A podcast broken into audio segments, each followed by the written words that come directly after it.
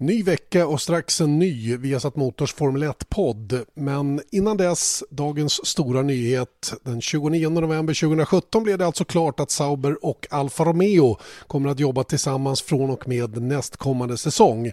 Där eh, Alfa Romeo som tillhör FCA, det vill säga Fiat Chrysler Automobiles, kommer att gå ihop med Sauber då som titelsponsor. Och det här innebär att Alfa Romeo nu kommer tillbaka till Formel 1 efter mer än 30 års bortavaro från sporten. Eh, mer om det här partnerskapet och vad det innebär i nästa veckas podd men redan i denna vecka så kommer vi lite längre fram i programmet att gå in på lite grann vad det här kan få för eh, påverkan, implikationer för Sauber-teamet och vilka som till exempel kommer att köra för teamet nästkommande säsong för det är någonting som ännu inte är klart. Nu över till den ordinarie Formel 1-podden från Viasat Motor. Här kommer den. Viasat Motors F1-podd presenteras av byggvaruhuset Bauhaus.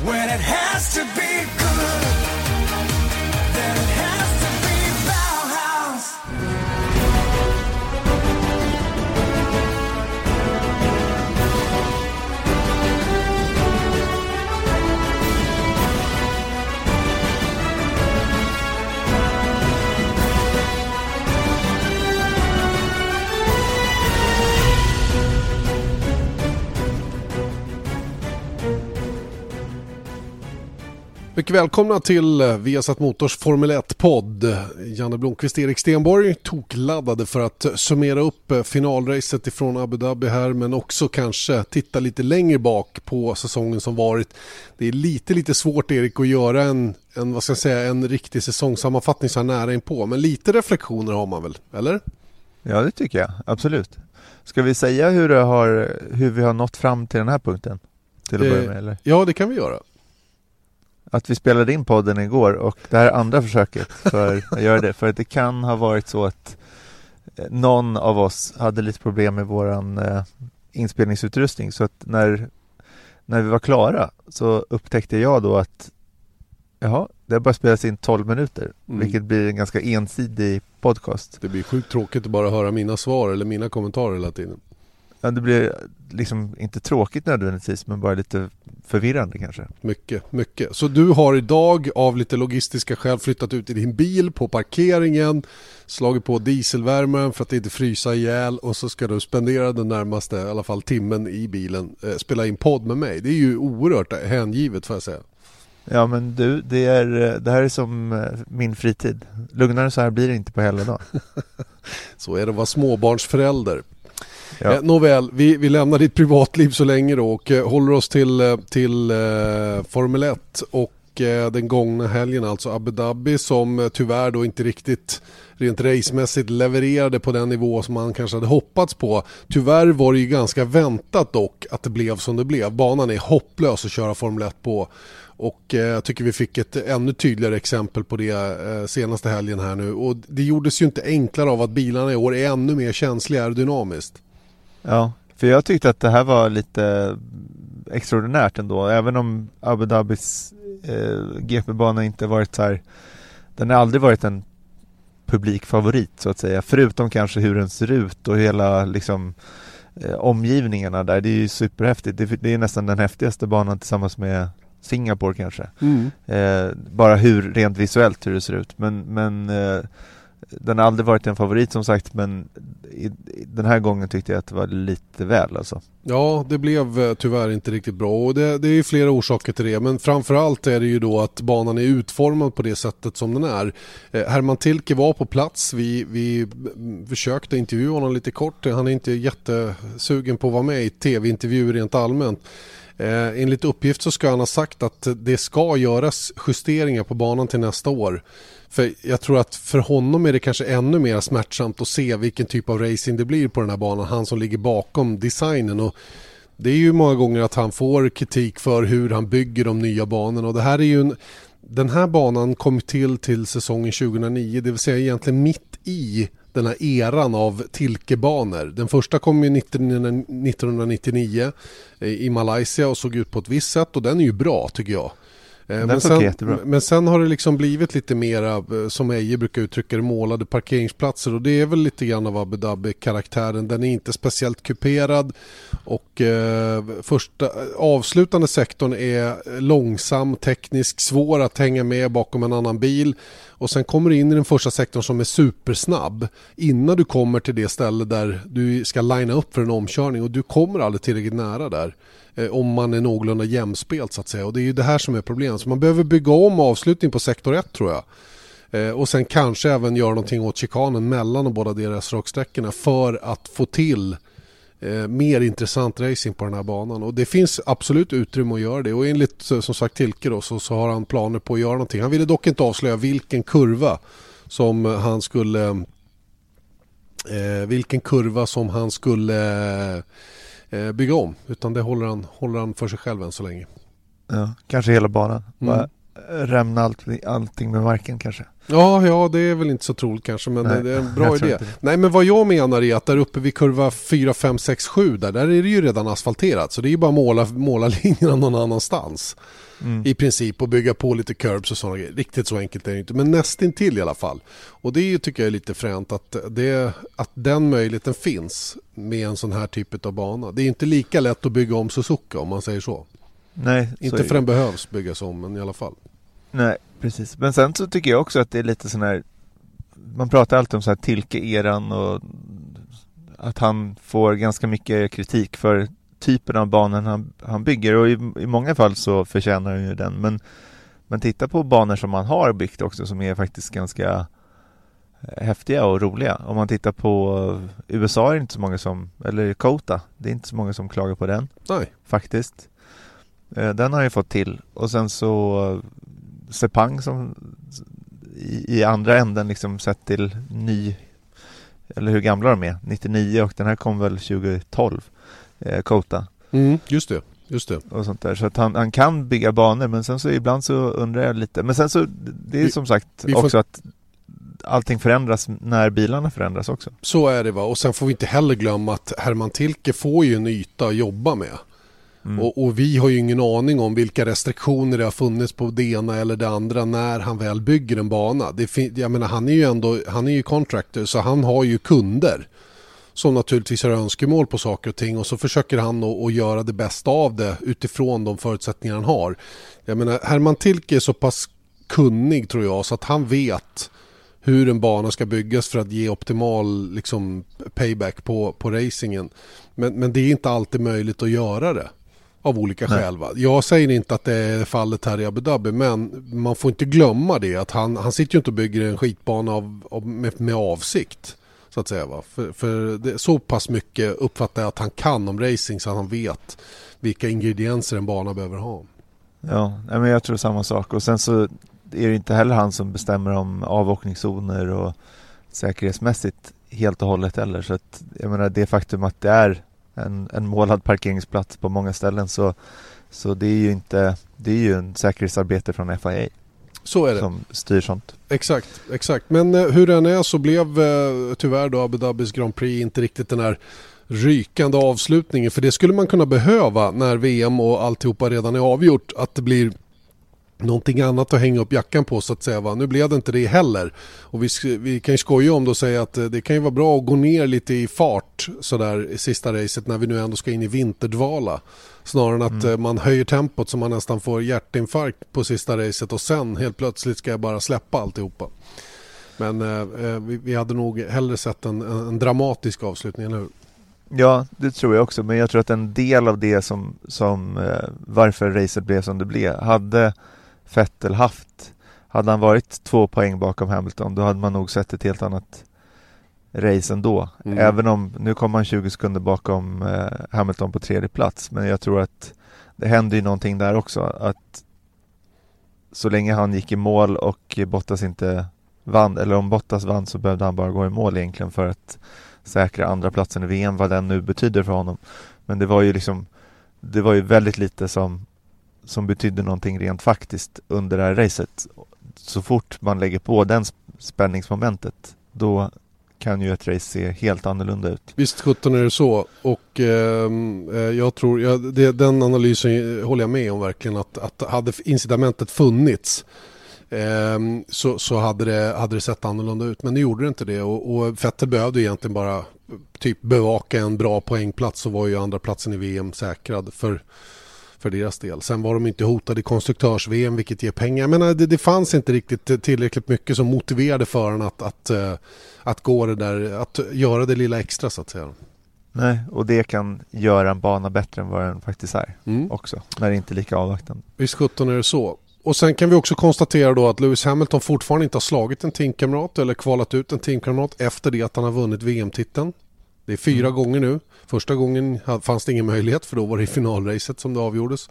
Jag kommer inte ihåg hur det såg ut 14 eh, riktigt. Men det var väl klart långt, långt innan finalracet har jag för mig. Var det inte 14 som var, eller var det 15 som var dubbla poäng? Eh, ja du, nu satte du mig på pottan här. Jag tror faktiskt att det var 15. Ja, det kanske det var. Just för att de var så dominanta 2014. Jag tror att det blev reaktionen liksom på när Hamilton vann i jag vet inte var. Nej, det var nog alltså att han... Ja, vi, vi får kolla istället tror jag. Vi får göra det. Eh, vi ska se, 11 mars 2015 så, så sänkt... Eh, ja, just det. Jag, jag kollar lite snabbt på nätet här för jag sitter vid datorn och, ehm, eh, och de har... Eh, de har, eh, ja, jag tror att det var 14 som sagt. In 2014 double points were awarded at the final race of the season. Ja, just det. Så att eh, precis. 2014 mm. var det dubbla poäng. Ja, så 2014 levde det då till sista racet och det var väl då som Rosberg fick fel på han låg efter, jag tror att han låg tvåa Just bakom det. Hamilton. Just det. Men, och han fick fel på maskinen. Ja, vilket slag. gjorde att, ja, så det blev ju aldrig det var liksom. aldrig någon issue. Så med, med, andra ord kan den här statistiken som jag tyckte var lite cool, den kanske inte är värd någonting. För det har aldrig ja. funnits några möjligheter för honom att slå någon teamkamrat efter att han har vunnit VM. Äh, Nej men faktiskt, det, då blir det ju det. Det är ju ja, det är 2014. Bara, det är bara, det är bara förra året, eller 15 eh, då, när eh, han vann senast då. När han eh, fyra tävlingar efter det torskade varje race då till Rosberg. Ja, just det. Och sen så 16 Förlorar han. han in, förlorar han ja, hela ja. grejen. Ja. Just det. Ja, ja, men då så. Då har vi tänkt högt en liten stund här. Det var inte riktigt ja. meningen. Vi ska ju vara pålästa och kunna sådana här grejer. Men ibland måste man tänka lite högt också. Men det är så här man lär sig. Ja, eller hur? vi, tar, vi tar oss pedagogiskt fram genom livet på det här tillsammans med våra lyssnare. Det tycker jag är fantastiskt. Exakt. Eh, det leder oss in på någonting som man inte är fullt lika stolt över, nämligen tipset. Eh, tipset har ju varit ett rent skämt eh, faktiskt från min sida. Riktigt, riktigt dålig. Eh, eller jag gick ut med hela den här grejen om att jag skulle vara analytisk och, och eftersom jag kan så himla mycket så skulle jag naturligtvis pricka in de här tipsen varje gång. Det har ju gått käpprätt åt skogen. Jag har till och med lämnat VO en helg. Mm. Eh, och eh, det, det, avslutande, det avslutande racet blev ju ingen, blev ingen förändring kan man säga. Lika illa Nej. som tidigare. Och det är till och med när jag försöker hjälpa dig med dubbla poäng. Så det liksom Då är det dags att grabba tag i det här, Janne. Ja, jo men... Och måste... så gör du inte det. Nej, jag vet, jag vet. Det är, det är pinsamt. Det är pinsamt. Så till den här helgen så tippade Janne Fettel, Fettel, Hamilton, alltså som Fettel i pool, Fettel som vinnare, Hamilton snabbaste varv. Jag tog Hamilton i pool, Fettel som vinnare och Fettel snabbaste varv. Och i själva verket blev det en Grand Slam för Valtteri Bottas. Mm. Ganska oväntat ändå måste jag säga. Ja, herregud. Ja, vi räknade ju bort honom eh, efter träningen. Jag tyckte att vad 17 var han ser seg ut och, och fortsätter i den här trenden av, eh, av lite tröttare race här på slutet. Men eh, han tog ju trots allt pole i, i, Brasilien och det är ju inte att vara trött på något sätt. Va? Men eh, missade starten lite grann och fick ge sig den gången. Så kom han hit till Abu Dhabi, var lite på efterkälken fram till dess att kvalet drog igång. Då såg det ut precis likadant som det gjorde i Bahrain när man körde ungefär i samma förhållanden väldigt, väldigt snabb mot slutet av, av dagen då när mörkret faller. Och det är uppenbart att han, eh, han visste tillsammans med sin ingenjör vad som behövde göras med bilen Eh, offrade lite grann fart när det var varmt mitt på dagen men var snabb då när det gällde på kvällen. Och det, det är ju skickligt bara det får man ändå säga.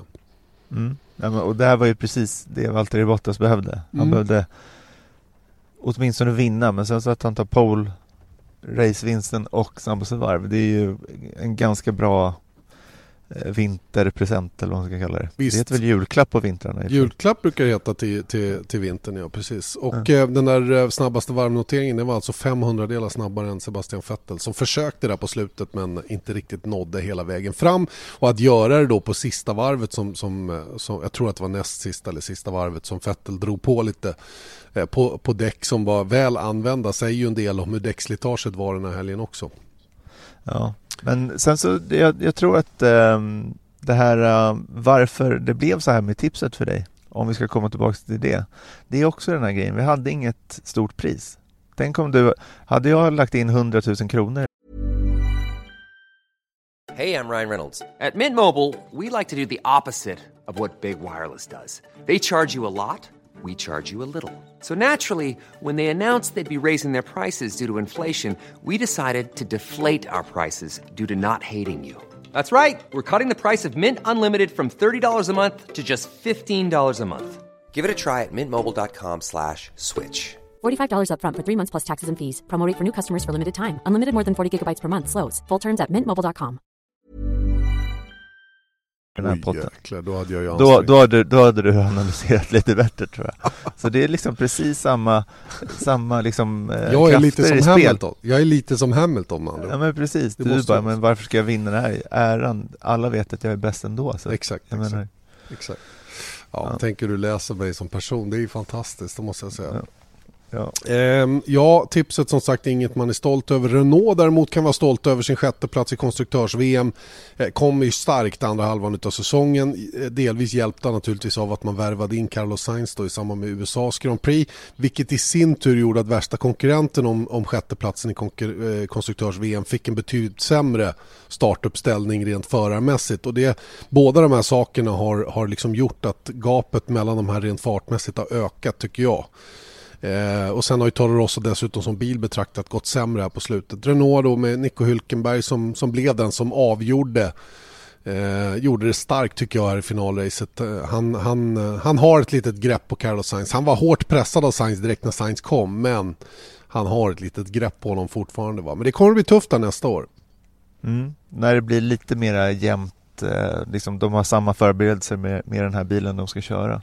Så det, det ska bli superspännande men just den vändningen som han gjorde, jag menar när Sainz kom in i USA första gången han kör bilen och då bröt ju Hülkenberg, han hade ju stora problem den helgen. Mm. Men då tänkte man, om man då som man kanske gör ibland, att man bortser från alla fakta och det var ju att Hülkenberg bröt. Men då var ju Sainz urstark. Det var då han gjorde den här galna omkörningen på Sergio Perez Eh, eller var det Ocon? Nej, det var, jag minns inte. Force India var det i alla fall. Ja, så Force India var mm. Ja, så då blir man ju mäkta imponerad av, av Sainz. Sen så har han inte sett lika superstark ut heller. Men då ska man ju komma ihåg det där. Han kom in i en ny, nytt team, ny, nya ingenjörer, ny bil mitt i säsongen. Och det är väl lite det som man ser i Toro Rosso också. För jag tycker att jag har tänkt på sett till att de inte tagit någon, någon poäng, Gasly eller Hartley eh, sen de kom in då, då har man ändå tänkt lite så här, var det här verkligen så smart att sparka Kviat? Var det så smart att släppa Sainz liksom? Mm. För det, vi, vi, ska, vi, ska komma ihåg att Kviat tog alltså poäng i USA i sin ja. comeback. Så att, eh, ja nej, det visst, visst, eh, visst offrade Red Bull Toro Rosso genom att göra som de gjorde. Eh, samtidigt har de ju vunnit en massa andra grejer på andra, på andra plan så att säga. Det är jag helt säker på. Annars hade man aldrig gjort som man gjorde. Man har fortfarande Sainz kvar även om man tvingades släppa honom till, till Renault. Han är en, absolut en tänkbar eh, ersättare till någon av dem i huvudteamet om det är så att Ricardo nu väljer att göra någonting annat eller gå till ett annat team. Eh, och eh, Verstappen har ju bara kontrakt 18, 19, 20 och efter det så måste de ju täcka upp för någon va. Mm. Och som vi har varit inne på, det är inte horder av nya förare på väg upp genom, genom eh, underklasserna så att säga. Och nu gäller det ju verkligen att ta hand om Hartley och, och Gasly på ett bra sätt och verkligen se om de har det, har det som krävs för att ta nästa steg. Ja. Undrar vad som händer om de känner att nej, det har de inte. Nej, det, Vilket, då, då har de inte riktigt någon att stoppa in. Nej, då får de ju köra vidare bara av den anledningen att Red Bull inte har något annat att stoppa dit. Eh, och det är möjligt att Red Bull håller på att fasa ut sitt juniorprogram eh, och, och därmed öppnar upp Toro Rosso för den övriga marknaden så att säga. Så att förare med budget själva kan komma till Toro Rosso om man är tillräckligt bra eller bedöms vara tillräckligt bra att kunna köra i det teamet. Då. Det är möjligt att mm. det är en sån utveckling på, på gång. Jag har ingen aning. Ja, det är någonting som vi har spekulerat i lite mm. tidigare också så det är väl så. Men sen så kan man ju då tycka lite här va att eh, att de tog den här sjätteplatsen i VM genom Hylkenberg är ju inte helt okontroversiellt. Nej, nej, sättet det skedde på, eh, för de skaffade sig i det här läget var ju i en, en, en race-situation som blev lite omdiskuterad och som jag faktiskt måste hålla med Bob Fernley kring att, att, eh, att få köra om en annan förare på det viset och att en bestraffning som jag tycker är rimlig, nämligen fem sekunder, mer är den inte värd, den, den, till den förseelsen.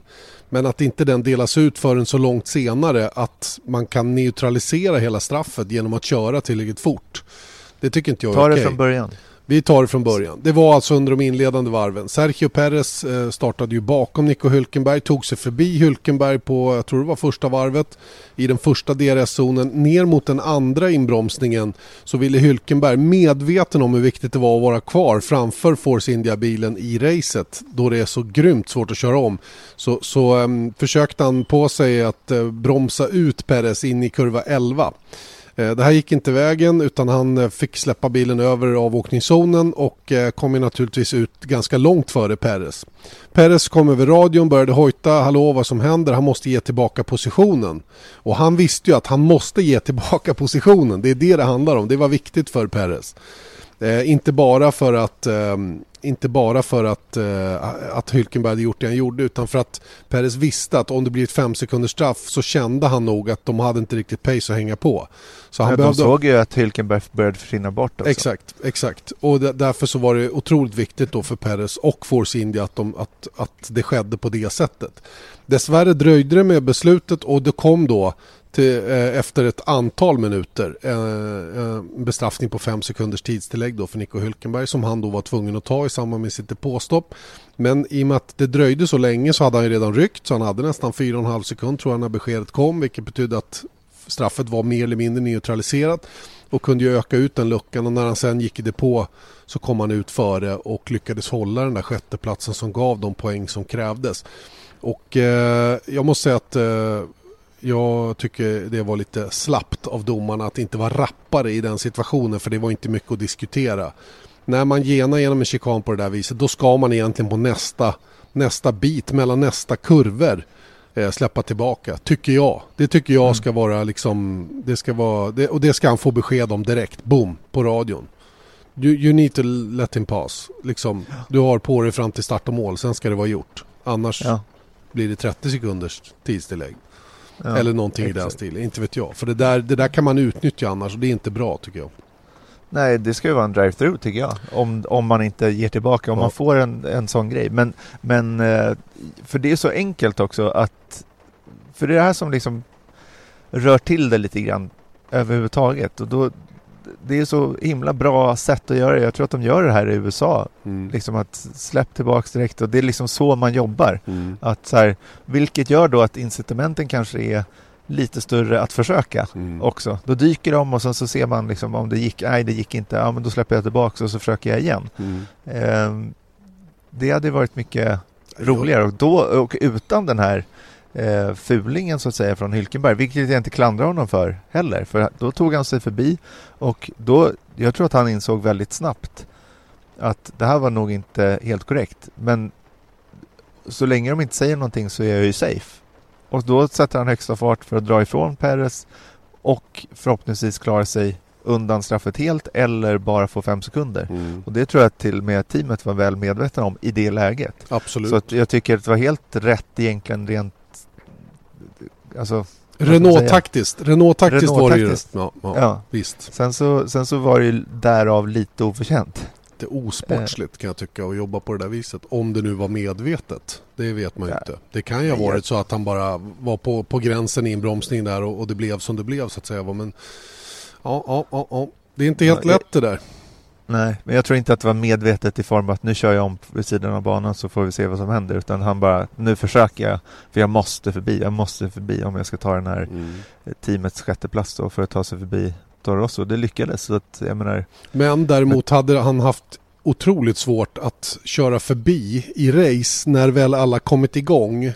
Att kunna köra förbi Force India-bilarna. Eh, det tror, jag, det tror jag inte de hade klarat med Renault. Eh, för de var så snabba rakt fram dessutom. Så att mm. jag, därför så var det här en helt avgörande grej för mm. de där, de där sjätteplatsen. Och att bli sju, åtta, att bli nia istället. Då hade de inte hjälpt. blivit sexa i, i konstruktörs-VM. Så, så, så, så stor skillnad blev det ju faktiskt. Ja. Alright, det var, det var det om den. Nico Hülkenberg och Renault ändå på sjätte plats i konstruktörs-VM och istället för att bli sjua då, vad kan det skilja? 50 miljoner kronor kanske? Vad sa vi? 100 mm. miljoner mellan sjätte och åttonde plats. Åttonde platsen som gick då till, till Haas som inte nådde fram till Toro Rosso i det senaste racet. Ingen av bilarna på, på poängplats och Haas som har haft en bedrövlig slutfas av det här året. De har ju också tillsammans med Toro Rosso varit det team som har gått bakåt mest tycker jag. Mm. Eh, och inte orkat hålla den nivå som man, som man hade under stora delar av övriga säsongen.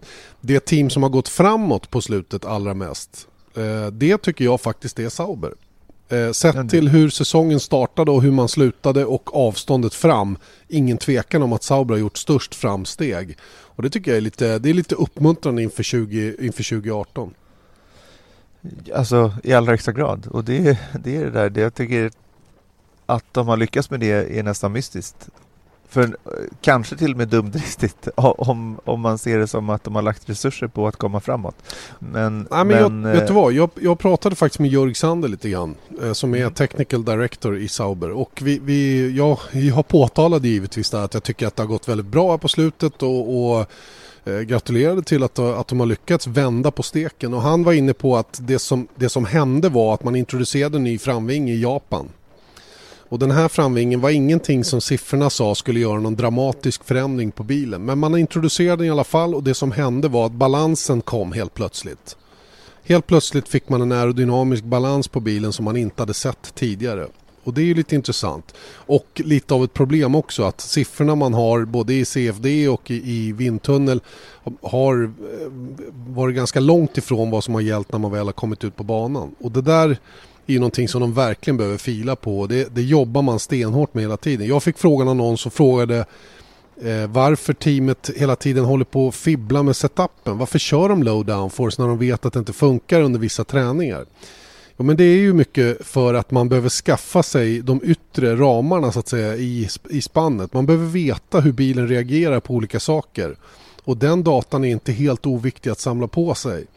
Och det där är en sån där sak som att när man, när man inte har något testande under säsongen då måste man ta vissa fredagar till att prova ut saker för att få en bas av data som, som gör att man vet åt vilket håll man ska jobba senare så att säga. Då. Ja. Plus att det, det där är kontinuerligt hela tiden. För ja. att ju mer bilen förändras så måste du göra det igen och Exakt. igen och igen. Exakt, exakt. En annan viktig faktor till varför det har gått fortare är givetvis däcken. Det har vi redan pratat om. Man har förstått hur däcken ska eh, eh, jobbas på ett, på ett eh, bättre sätt. Det här har skett i kombination också med att man har lärt sig hur bilen ska sättas upp in i kurvorna, hur styvt det ska vara för att jobba rätt energi i, i däcken och så vidare och få dem att stanna kvar i det här så kallade arbetsfönstret. En, en, en ytterligare faktor till att man har blivit bättre under året Eh, det är ju också någonting som bevisades här i Abu Dhabi. Man var, man var topp 10 toppfartsmässigt med Sauberbilen. Det, det beror ju delvis på att man har dålig downforce men också att motorn börjat gå bättre här på slutet och det beror på att man fick kontroll på det här med kylningen. Man kunde optimera motorn mer för att man hade kontroll på hur den skulle kylas ner på ett bättre sätt. Och det där, eh, det där, eh, det där är viktiga faktorer till att man säkert har hittat en sekund i varvtid. Mm. Som jag uppfattar det. Runt en sekund i varvtid de senaste fyra, fem helgerna. Jag skulle säga från Japan och framåt. till, till eh, finalracet så har man hoppat så mycket framåt rent fartmässigt. Och det är, det är ju eh, naturligtvis en resursfråga varför det tar så lång tid och hela den biten. Va? Men man jobbar ju väldigt hårt på att förbereda teamet inför 18 snarare än att titta på 17 som man visste var lite av ett förlorat år. Och ja. det, är, det är ett helt nytt bilkoncept nu hemma i fabriken som, som man jobbar med. och Det där ska bli superintressant att se vad det, vad det tar vägen. Så man, på så sätt kan man ju se det som väldigt positivt för arten också att de hittade den här sekunden så att de har en bättre utgångspunkt att jobba ifrån. Exakt, och det där är ju inte minst när det gäller däcken då, tire management som, som man haft problem med rakt igenom hela säsongen. Och, och, nu kanske kläckt lite grann vad det är som krävs, vilket gör att man kan vara tydligare med att adressera de grejerna i det nya konceptet så att säga. Då. Ja. Så att, äh, jag tycker det ser jättespännande ut. Man saknar ungefär 10 10-15 personer eh, på den tekniska sidan i, i, teamet som alltså på, eh, vad ska jag säga, inte, inte handfast personal utan sådana som ritar och jobbar med aerodynamik och CFD och allt vad det nu är. Och man räknar med att kunna fylla de luckorna fram till och med mars månad nästa år. Och eh, sen är det ju en inkörningsperiod på någonstans mellan tre och sex månader för en nyanställd innan man liksom är inne i matchen ordentligt. Va? Men det tycker jag ser bra ut och, och de, de, är, de ser pigga och glada ut i alla fall när man träffar på dem. Jörg Sandra har inte varit ute på många race i år eh, av den anledningen att det har varit fullt upp hemma i fabriken gissar jag. Ja, det antar jag mm. verkligen. Men eh, ingen announcement som vi nästan utlovade. Nej, tyvärr har det väl dröjt lite grann här och det dröjer väl lite till innan det kommer någon form av besked eh, kring hur Saubers framtid ser ut och när det gäller eh, ganska roliga saker ändå. Vi vet ju redan att de kommer köra Ferrari-motorn nästa år, den senaste versionen, det vill säga samma som både fabriksteam och Haas använder sig av. Eh, vet, vi vet väl också att det mer eller mindre är klart att det betyder en Ferrari Junior i teamet. Mm. Det är inte det, absolut inte bekräftat, men eh, mycket som pekar mot det. Alla, alla, alla som, som har rapporterat om det här tar det nästan för givet att Ferrari har det på något sätt som ett litet krav, eller i alla fall som en eftergift på priset för vad det kostar att ha de här motorerna i bilen. Mm. Sen, eh, sen har det ju även dykt upp rykten om Alfa Romeo att det skulle vara någon, något alternativ att, att märka motorn med Alfa Romeo. Alfa Romeo som skulle vara tillbaka i Formel 1 för första gången sedan 1985. Mm. Och de som vann samma märke som vann de två första VM-titlarna i Formel 1. Just det, det kom vi fram till. Var det med Fangio Genom... och eh, Ascari va?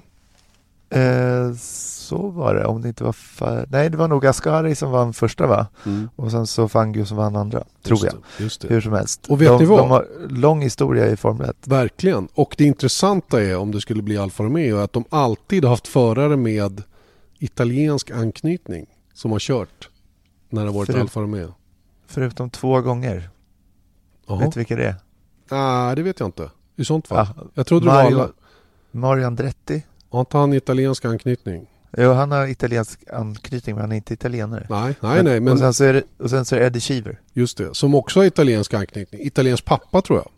Ja, så men att, inte italienare. Nej, nej, men vad jag menade var anknytning. Ja. Alltså de, de har alltid haft någon som är knuten till Italien på ett eller annat sätt när de har kört Alfa Romeo. Jag säger inte att det här betyder att Antonio Giovinazzi skulle bli aktuell om, om Alfa skulle, skulle vara på något sätt synlig på Sauberbilen 20, 2018.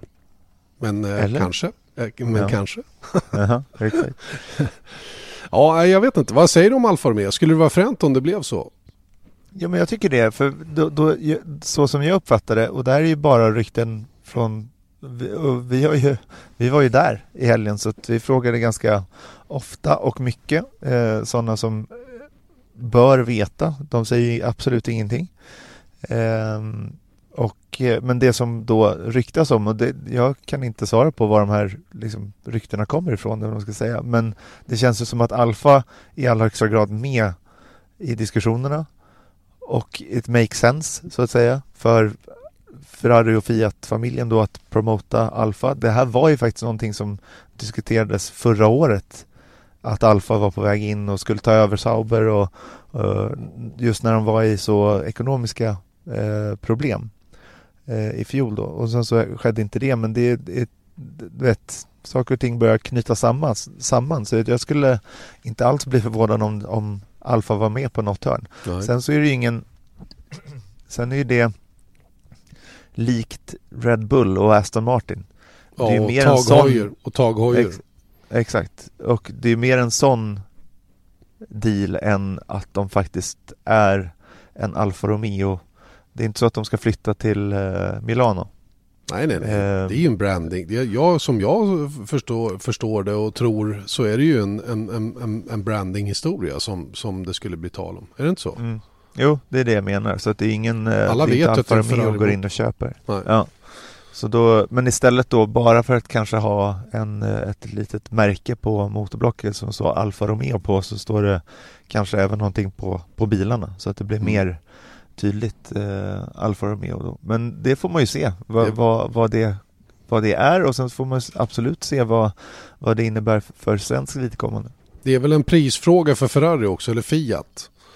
Eh, Mm. hur, hur stort engagemang man ska göra. Eh, många har ju tagit för givet att det här innebär då, just ryktet om Alfa, att det skulle innebära att per automatik att båda Ferrari juniorerna kör för teamet. Det tror jag är ett väldigt stort engagemang för Fiat om vi ponerar att det är de som står för fiolerna att lägga upp. För då börjar vi prata peng i storleksordningen en halv miljard för hela paketet. Två förarplatser plus lite branding.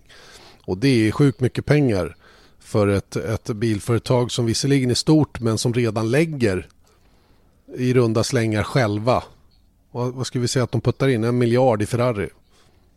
Ja, minst skulle jag säga. Ja, för att de får ju rätt mycket pengar Ferrari ändå utav Formel 1 och så vidare. Va? Men ponera att eh, jag ska gissa att eh, de lägger i åtminstone ja, uppemot halva budgeten då, i Ferrari redan. Och sen ska det här läggas uppe på det då. Så att det, det, det, jag vet inte. Jag, jag, det sista som överger mig är hoppet. Och därför så tror jag att eh, de tar en plats i Sauber. Och låter den andra vara ledig åt en, åt en blond kumling. Ja, jag hoppas det också. Sen, Mm. så, sen så tycker jag att det är lite så här, det finns ju något oroande i att i att, eh, Att det dröjer. Ja, nej, ja, dels det och sen så att eh, efter racet så stod jag i mixade zonen och frågade Marcus bara, vad, vad, vad tror du? Han bara, nej jag hoppas bara att det ska bli någonting och han, ser inte, han gör ju inte med något här leende på läpparna som att han vet någonting annat liksom. Det har varit lite Eh. fram och tillbaka tycker jag med kroppsspråket här under senare delen av säsongen. Ja, nej, men absolut. Så det, det, jag har fortfarande allra extra grad hopp och jag, på något sätt så tror jag att det, att det kommer lösa sig någonstans ändå. Mycket av, av de anledningar som har pratat om. Men eh, samtidigt så eh, vet, det här är en jävlig sport i det avseendet. Mycket. Att eh, gå på logiker och, och, och sådant. Men sen så Ja, jag vet inte. Det, det, det är det som är så lustigt tycker jag för att du kan ju läsa artiklar runt det här och då kanske det är du vet, någon eh, schweizisk som skriver en sak, eh, en italiensk som säger en sak. Eh, men jag, så, jag läste en artikel i, i DN i, i måndags efter racet att ja, det här var nog sista gången vi såg, såg en svensk i Formel 1. Hoppas att det inte dröjer 23 år till. Och sen så står det någon annan liksom, och det vi vet stämmer kanske inte överens med någon av de här andra. Så det är ju och, och då, då är vi inne på det här att då är det vem har bäst information? Vi tar fram Thomas Di Levas trudelutt. Vem ska man tro på? Ja, exakt. Och så spelar vi den en liten stund och funderar vem det är som är mest trovärdig i den här. Eh, och, och de artiklarna som du har lyft upp här lite grann. De är, det var en, en som Roger Benoit, eller Roger kanske han kallas, inte vet jag, han är schweizare. Han går ofta runt, det är en äldre man som går runt med en cigarr eh, som aldrig är tänd. Och han skrev då att det är klart, han skriver alltså för, för schweiziska Blick. Eh, han skrev då att det är klart, Leclerc Eriksson kör för Sauber 2018. Det var för, var det i Brasilien kanske?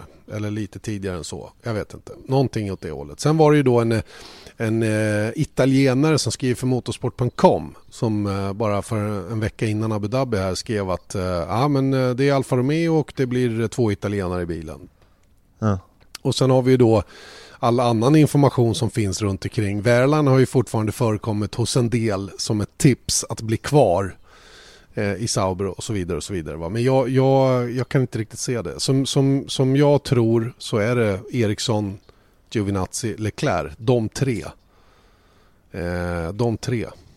Mm. Det står det med. Men då skulle jag säga så här, jag tror fortfarande om man bara tittar på vad som händer den här veckan. Och det är däckstester i Abu Dhabi Just på det. Jasper Arena Circuit. I bilen sitter Marcus Eriksson och Charles Leclerc. Just det. Marcus igår och Leclerc idag. Ja. Ingen Verline. Nej, ingen Wehrlein. Nej, jag Nej. tror Wehrlein är rökt, ärligt Ja. talat. Jag tror att han har fått, eh, han, han har fått gå till... eh, han, får, han kommer att få göra någonting annat. Jag tror inte Mercedes har honom kvar i, sitt, i sin organisation. Så att, eh, i- det kanske de har på ett eller annat sätt, men inte som Formel 1-förare. Och jag tycker att Toto Wolff har varit ganska tydlig med det på slutet här, lite fint. Eh, eh, där han säger att eh, Pascal får nu klara sig själv om han ska stanna kvar i Formel 1. Och eh, det kommer han inte att klara. Den beredskapen rent ekonomiskt har han inte.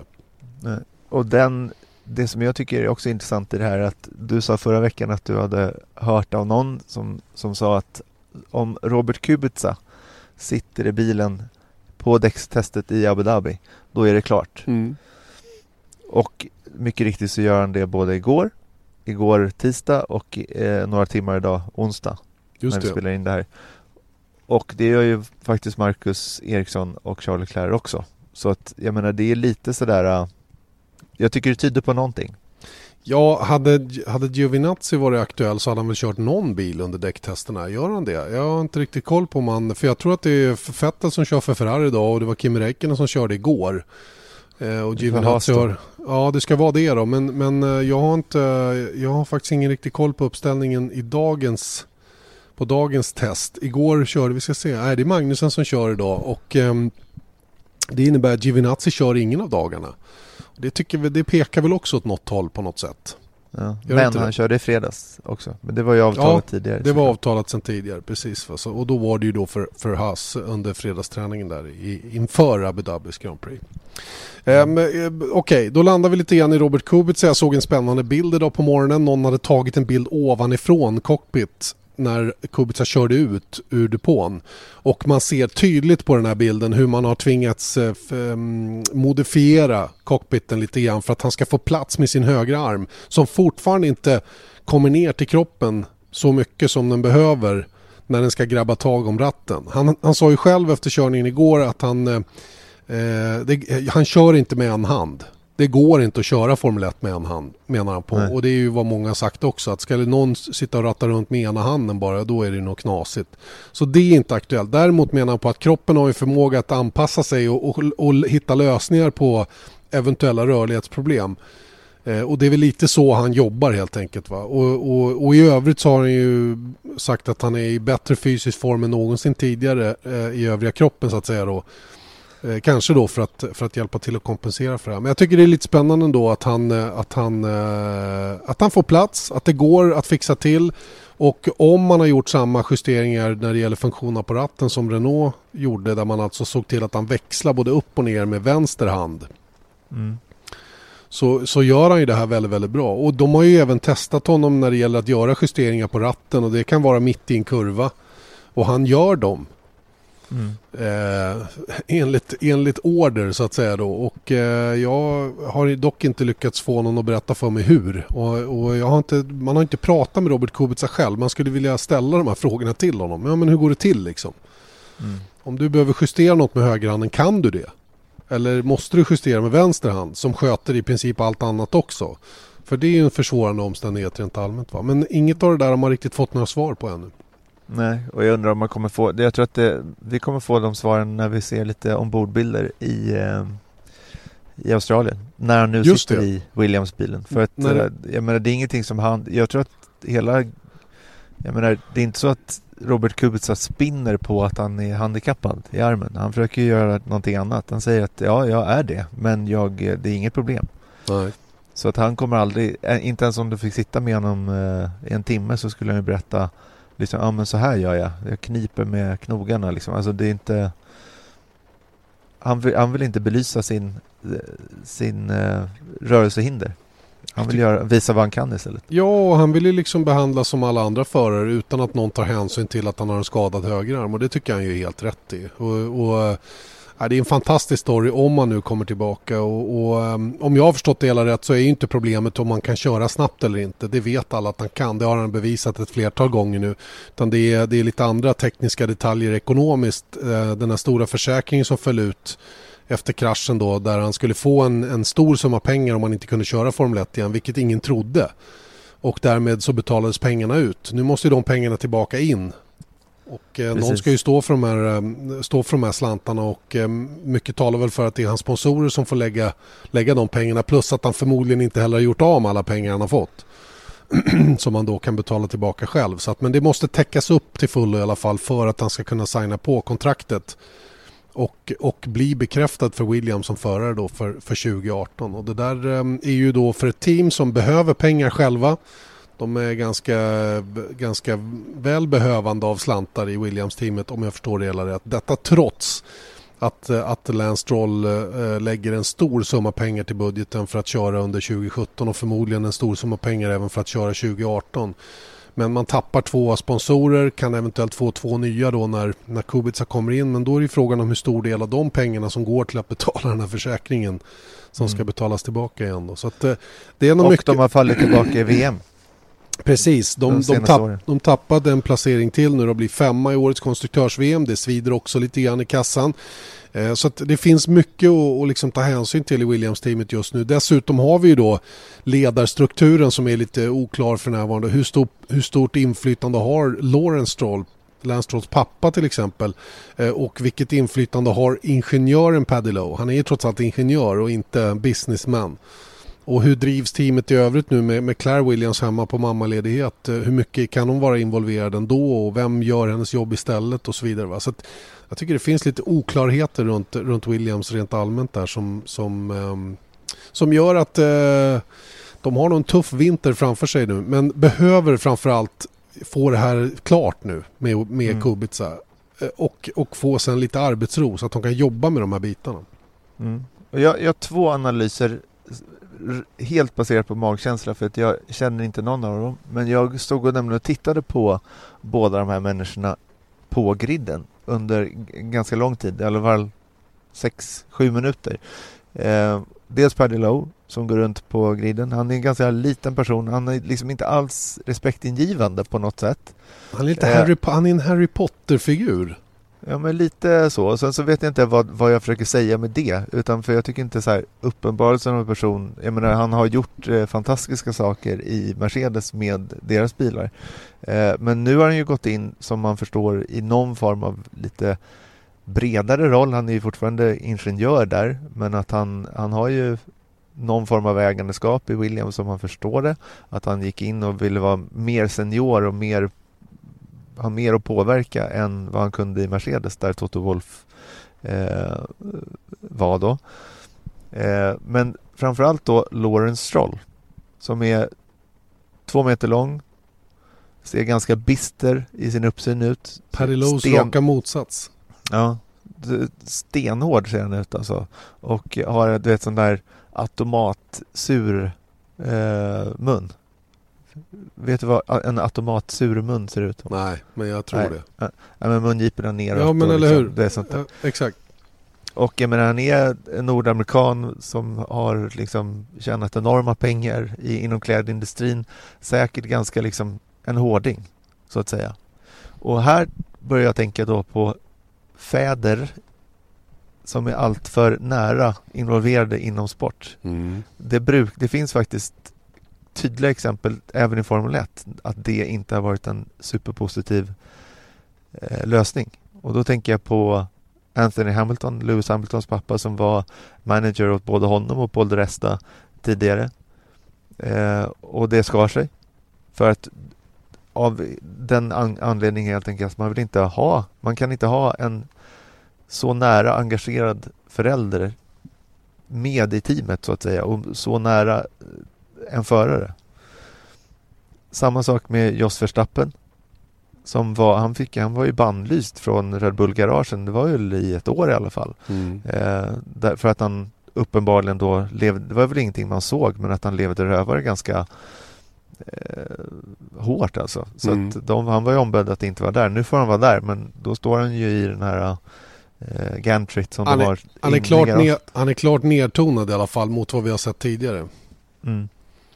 Sen finns det en svensk exempel för några, ett antal år sedan med en, en person som var på väg in i Formel 1 som man hörde bara på omvägar att han, han var han levde rövaren en hel del själv också och det satte i allra högsta grad käppar i hjulet för hans fortsatta karriär inom Formel 1. Mm. Så att jag menar, det här är ingen bra idé och nu har vi helt plötsligt en Lawrence Stroll som inte bara är pappa till Lance utan han är kanske till och med i någon form ägare till teamet och har saker och ting att säga till om i hela teamet. Mm. Det är svårt att göra sig av med honom när han har lagt in de här summorna pengarna i eh, Lance Stroll och i Williams. Visst är det så. Och det här med att ha en känslomässig bindning till en förare är ju aldrig bra. Inte på den här nivån. Det går, det går i go-kart typ. Men sen ska fäderna kliva av. De hänger med en liten bit till eh, in i första formelbilskategorin kanske. Men, men där, redan där alltså måste farsorna låta teamen sköta sina söner. Inte vara inblandade rent operativt på något sätt. Det är superviktigt. Den supporten kan man ge hemma på kvällarna efteråt. Eh, eller vad det nu är. Va? Men, men har de så här nära, det, det, det funkar inte. Och det, det är inte bara Formel 1 som det finns bevis på detta. Utan det är ju på många, i många andra sporter också. Eh, systrarna Serena och Venus Williams hade väl sin pappa med sig och det blev ju totalt kaos. Tiger Eh, Woods. Tiger Woods, en annan ja. Och, och eh, de- de är med ända upp till toppen men sen någonstans där uppe på toppen så blir de här stora inkomsterna ett problem. Eh, På ett eller annat sätt. Va? Man blir oense eller vad det nu är för någonting. Va? Men, men det är ju långt, långt senare. Jag tror ändå att man eh, och i alla exempel som man ser ifrån, från lagidrotter hemma med fäder som är tränare för sonen eller dotterns lag. Hur, hur, hur det blir problem förr eller senare. Va? Man måste våga släppa taget där. Låta kompetenta människor utan känslomässig bindning till de som är med i laget få bestämma. Det, det är det viktiga. Och gör man inte det då gör man faktiskt den sonen eller dottern en björntjänst. Det är jag helt övertygad om. Jag hoppas att alla hockey, fotboll, skid, vad det nu är, föräldrar tänker på de här grejerna nu om man har en supertalang i familjen som är på väg upp. Ja, ja men verkligen. Men det, därför tror jag att om de nu annonserar Robert Kubica, det kommer att ge jättepositiva saker i PR-värde för, för Williams och folk kommer att vara intresserade av teamet av så att säga rätt anledningar. Inte att de har en gammal Felipe Massa som ifrågasätts eh, i flera år i rad och Som dessutom En- är dyr. Ja, som, som är dyr och sen så Lance Stroll som har eh, faktiskt varit under par det hela året. Han har gjort, han har blixtrat till eh, några gånger eh, och han har gjort det jättebra då. Men, men eh, om man tittar på Abu Dhabi och Brasilien som ett annat exempel så har det varit eh, katastrof faktiskt. I, I Abu Dhabi var han ju sämst på griden skulle jag säga. Mm, riktigt dålig var han. Ja, så att jag tror att om de nu annonserar Kubica en bra förare och det går bra för honom då tror jag att det förhoppningsvis ger en nytändning till hela teamet. Vi hoppas på det i alla fall. Ehm, Okej, nytändning för Formel 1. Kanske en ny logotyp kan ha gett. Jag vet inte. En ny logotyp presenterades efter racet i söndags eh, under väldigt pompa och ståt. Och eh, jag tror att det tog, tog det en halv minut kanske innan jag fick första tweeten från någon om hur ful den var och hur trött man var på den redan och blä, blä, blä. Och eh, det var väl en ganska klassisk eh, Formel 1 hardcore fan-reaktion kan jag tycka. Mm. Eh, personligen så hade jag egentligen inga synpunkter på den. Det tar ju för lång tid. Eh, eller man behöver mer tid på att fundera på om den är bra eller dålig. Och vad är en bra och en dålig logga? Och vad behöver en logga vara för att vara liksom... Ja men den behöver fånga. Den behöver fånga mitt intresse. Jag tror helt säkert att den här kommer att göra det efter ett tag. Den gamla har gjort det. Den, den har ju faktiskt varit så ikonisk som många påstår. Jag, jag måste säga att jag tycker det. Eh, och eh, visst, eh, vignetter och sådana saker inför tv-sändningen har förändrats genom åren. Och det tog tid varje gång det gjordes en liten förändring att vänja sig vid det nya. Men jag är helt säker på att man kommer göra det med den här också. Röd och vit. Eh, ska väl illustrera två bilar som kommer upp mot någon start och mållinje. Jag vet inte. Vad säger du? Du som Ja. är i reklambranschen. Halv, halv, halv, halvt om halvt i alla fall. Ja, alltså jag, eh, jag är Du är starkt, s- starkt missnöjd. Nej, jag är du? Jo, jag är Varför det. då? Det är Nej, bara jag en tycker bara logga. att Jo men, ja men det är väl det vi tittar på. Jo men Jag, ja. jag, jag, är inte, jag är inte starkt missnöjd för hela Formel 1 och inte Nej, hela nej, världen heller. Ja, men jag är starkt missnöjd mot den loggan. För jag tycker att det, den ser, den är otydlig på långt håll. om du inte ser de här tunna, tunna linjerna, då ser det bara ut som en röd rektangel. Faktiskt. Och jag tycker, eh, ja, jag tycker framförallt att den är otydlig. Sen så läste jag hela den här eh, briefen som de hade när de släppte mer än att ja, det ska illustrera både då eh, bilar men även då att det är kurvor som en banlayout och sånt där. Mm. Eh, jag är fullkomligt öppen för att jag kommer vänja mig vid den här också. Till slut kommer det bara vara så, ja det där är F1-loggen. Mm. För man känner igen det. Men jag tycker inte alls att den är speciellt ståtlig. Jag ställer frågan så här då. Tror du att den kommer att göra jobbet? För att det är ju därför den tas fram. För att göra någon form av jobb. Den ska ju, den ska ju vara någon form av statement från de nya ägarna nu då. De, de behövde ändra den gamla loggan till en ny logga för att liksom markera en ny era i Formel 1. En ny digital era, bla bla bla. Så tror du att den kommer att göra jobbet?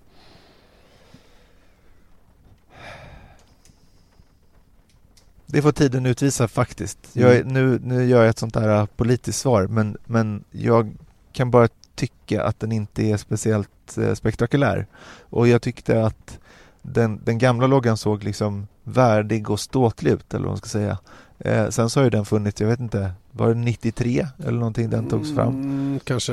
Jag Ja. borde ha kunnat det. Men jag, jag kommer inte ihåg nu. Men den har varit med länge i vilket fall som helst.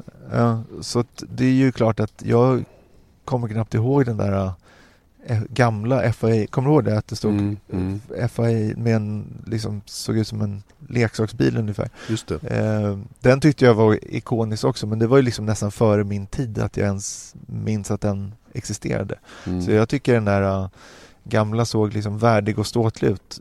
Sen så såg den kanske inte så ungdomlig ut. Absolut. Men eh, jag vet inte om jag tycker du, jag måste låta det sjunka in Du- mer men jag, jag, har stirrat på, jag har stirrat på den ganska mycket och jag tycker liksom att, du vet när de har gjort sådana mockups på griden och sånt där med Mm. där det står så här att jag ser inte att det är en logga. Jag ser bara att på, på håll ser det ut som en röd fläck. Vet du vad, jag, jag tycker den funkar med, med texten under till. Då, då känner jag att den är... Men jag tittar på den nu och jag tycker att... Eh, jag tycker den funkar alltså. Jag tycker den funkar. Jag håller med om det där att det ser ut som en snabb högersväng och att de är på väg framåt en mållinje då som illustreras av den sneda ettan. Så jag, för, för mig eh, lirar den. Ja. Och om, Ja, det det dessutom, om det dessutom är tydlig logot, eller typ, tydligt typsnitt också under skrivs Formula One World Championship så blir den, så blir den bra. Jag, jag måste säga att jag, jag delar inte riktigt din uppfattning där. Jag tycker den är cool. Nej. Den kommer att bli bra och det kommer att ta lite tid dock att, man, att vänja sig vid den. Va? Men eh, så som den är utformad så förstår jag hur de har tänkt. Sen kan man alltid ha synpunkter på färger om det borde ha varit något mer streck i den eller vad det nu är. Så, men eh, låt oss vänta och se. Den har, den har i alla fall vållat starka reaktioner och kommer säkert att göra det ett tag till. Men det ingår liksom i Formel 1-koncept. Man ska ha starka reaktioner på förändringar i Formel 1. Världens mest konservativa idrott efter cricket. Ja, exakt. Eh, Och alltså före golf? Ja, före golf. Ja, okej. Oj. Nej, jag vet Ja. inte. Golf, cricket och Formel 1. De är på samma planhalva då, om man säger så. Ja, det är nog så. Det är Mm. nog så. Men en annan grej som jag snappade upp i eh, paddocken i Abu Dhabi var att det är stor, stor, stor, stor debatt inom Formula One Group om kalendern 2019. Just det. Jag tror jag vet varför, men förklara gärna. Mm. Det var nämligen så att Abu Dhabis Grand Prix var det 976 i ordningen. De har alltså kört 976 race inklusive Abu Dhabis Grand Prix. Vilket betyder då att nästa år när vi kör 21 race blir det eh, Abu Dhabis GP nästa år kommer alltså vara det 997. Just det. Vilket gör att tre race in på säsongen 2019 så kommer det bli det tusende. Melbourne bara in Kina skulle det bli då. Och med årets kalender. Ja, men det här är en stor debatt då, för man vill inte vara i Kina Okej. för, det, för, den här, för det här firandet. Nej. För att då ska de göra någon jättegrej. Vad det innehåller där har jag ingen aning om. Men om du minns då när det var, var det 50 år eller var det 60 år eller någonting sånt där i Bahrain? Ja, Då var, det, då var det när de tog dit alla Storfräsarna. nu, levande världsmästare och sånt Mm, där så hade mm. de en, en stor grej med en parad och allting sånt där. Just det, just nu det. ska de göra någonting jättemycket större. Och det de skulle vilja ha det är i, på Silverstone. Aha, okej. Men kan de, kan de inte, ja inte vet jag hur de löser det. Så de vill köra Silverstone på våren? Det finns tydligen en debatt om Nej, att de ska det- köra det det i har- april. Det har vi väl provat och det blev väl total katastrof det året. Jag tror att om vi hade med Eje så skulle han mycket målande kunna berätta hur det såg ut på parkeringarna på våren på Silverstone. Ja, så att antagligen så kommer det inte bli det. Men det är en stor då att då måste de sätta kalendern så att rätt race får det här tusende racet. Och de kommer antagligen ta lite betalt för det Just det. då. Vilket då indikerar att Bahrain kan komma att ta det eftersom de hade den här, va- om det nu var 50-årsjubileet, Mm. det låter, uh, 60 måste det ha varit. ja 60 måste det varit Ja. när de tog dit alla världsmästare och sånt. Just det. Men, men eh, det är lite spännande ändå för då, att de ville ha det på Silverstone var lite roligt. Att då Mm. har de liksom försökt titta då, så, du vet, väderdata och sånt där. De senaste åren, hur har det sett ut? Går det? Är det möjligt? För att om det här firandet skulle vara i april och sen så är det, du vet, syndafloder över hela, då Mm. blir det lite avmätt ändå. Så då- antagligen så måste de vara någonstans på eller skulle de senare lägga säsongen? Skulle de kunna göra det? Nu får de sluta. Nej, men jag fattar, jag fattar. Men grejen är att, att köra på Silverstone i april, det är helt omöjligt. 2003 gjorde man det här, för då bytte man plats tror jag på Österrike. Var Österrike 2003? Det var två race som bytte plats med varandra varav Silverstone var det ena då som hamnade på vår. Jag, jag har nog sällan varit med om ett större kaos eh, rent parkeringsmässigt och vädermässigt än det blev den gången. Halva, halva publiken satt kvar ute på gärdena och fick hjälp av eh, bärgningsfordon för att komma ur lervällingen överhuvudtaget. Så jag förstår verkligen att de tvekar att sätta Silverstone som race nummer tre i april. Att de måste kolla väderdata. Men det är inte helt lätt. Nej. Så antagligen så kommer det bli i Bahrain då, så tredje Ja, racet. ja, blir det funkar. Jag- Det funkar. Det är ja. ett av våra favoritrace, är det inte det? Jo, jag tycker det faktiskt. Mm, mm. På våren. Alright, spännande. 976 race alltså nu i helgen som var. Det kan bli det tusende tredje racet säsongen 2019. Var ska det hamna? Ja, det är den stora frågan. Ny logga har vi fått. Vi har pratat däcktester. Inget announcement från Sauber, men nära förestående. Och vi tyckte kanske att Abu Dhabi var ett riktigt sömnpiller där banan behöver justeras till. Det är väl lite grann eh, en kort summering av den här veckans podd. Vi kommer tillbaka om en vecka igen. Då är det nya tag. Då kanske vi vet lite mer om vad som händer i Sauber 2018. Tills dess säger vi tack och puttrande. Janne Blomqvist, Erik Stenborg. Vesat Motors F1-podd presenterades av byggvaruhuset Bauhaus.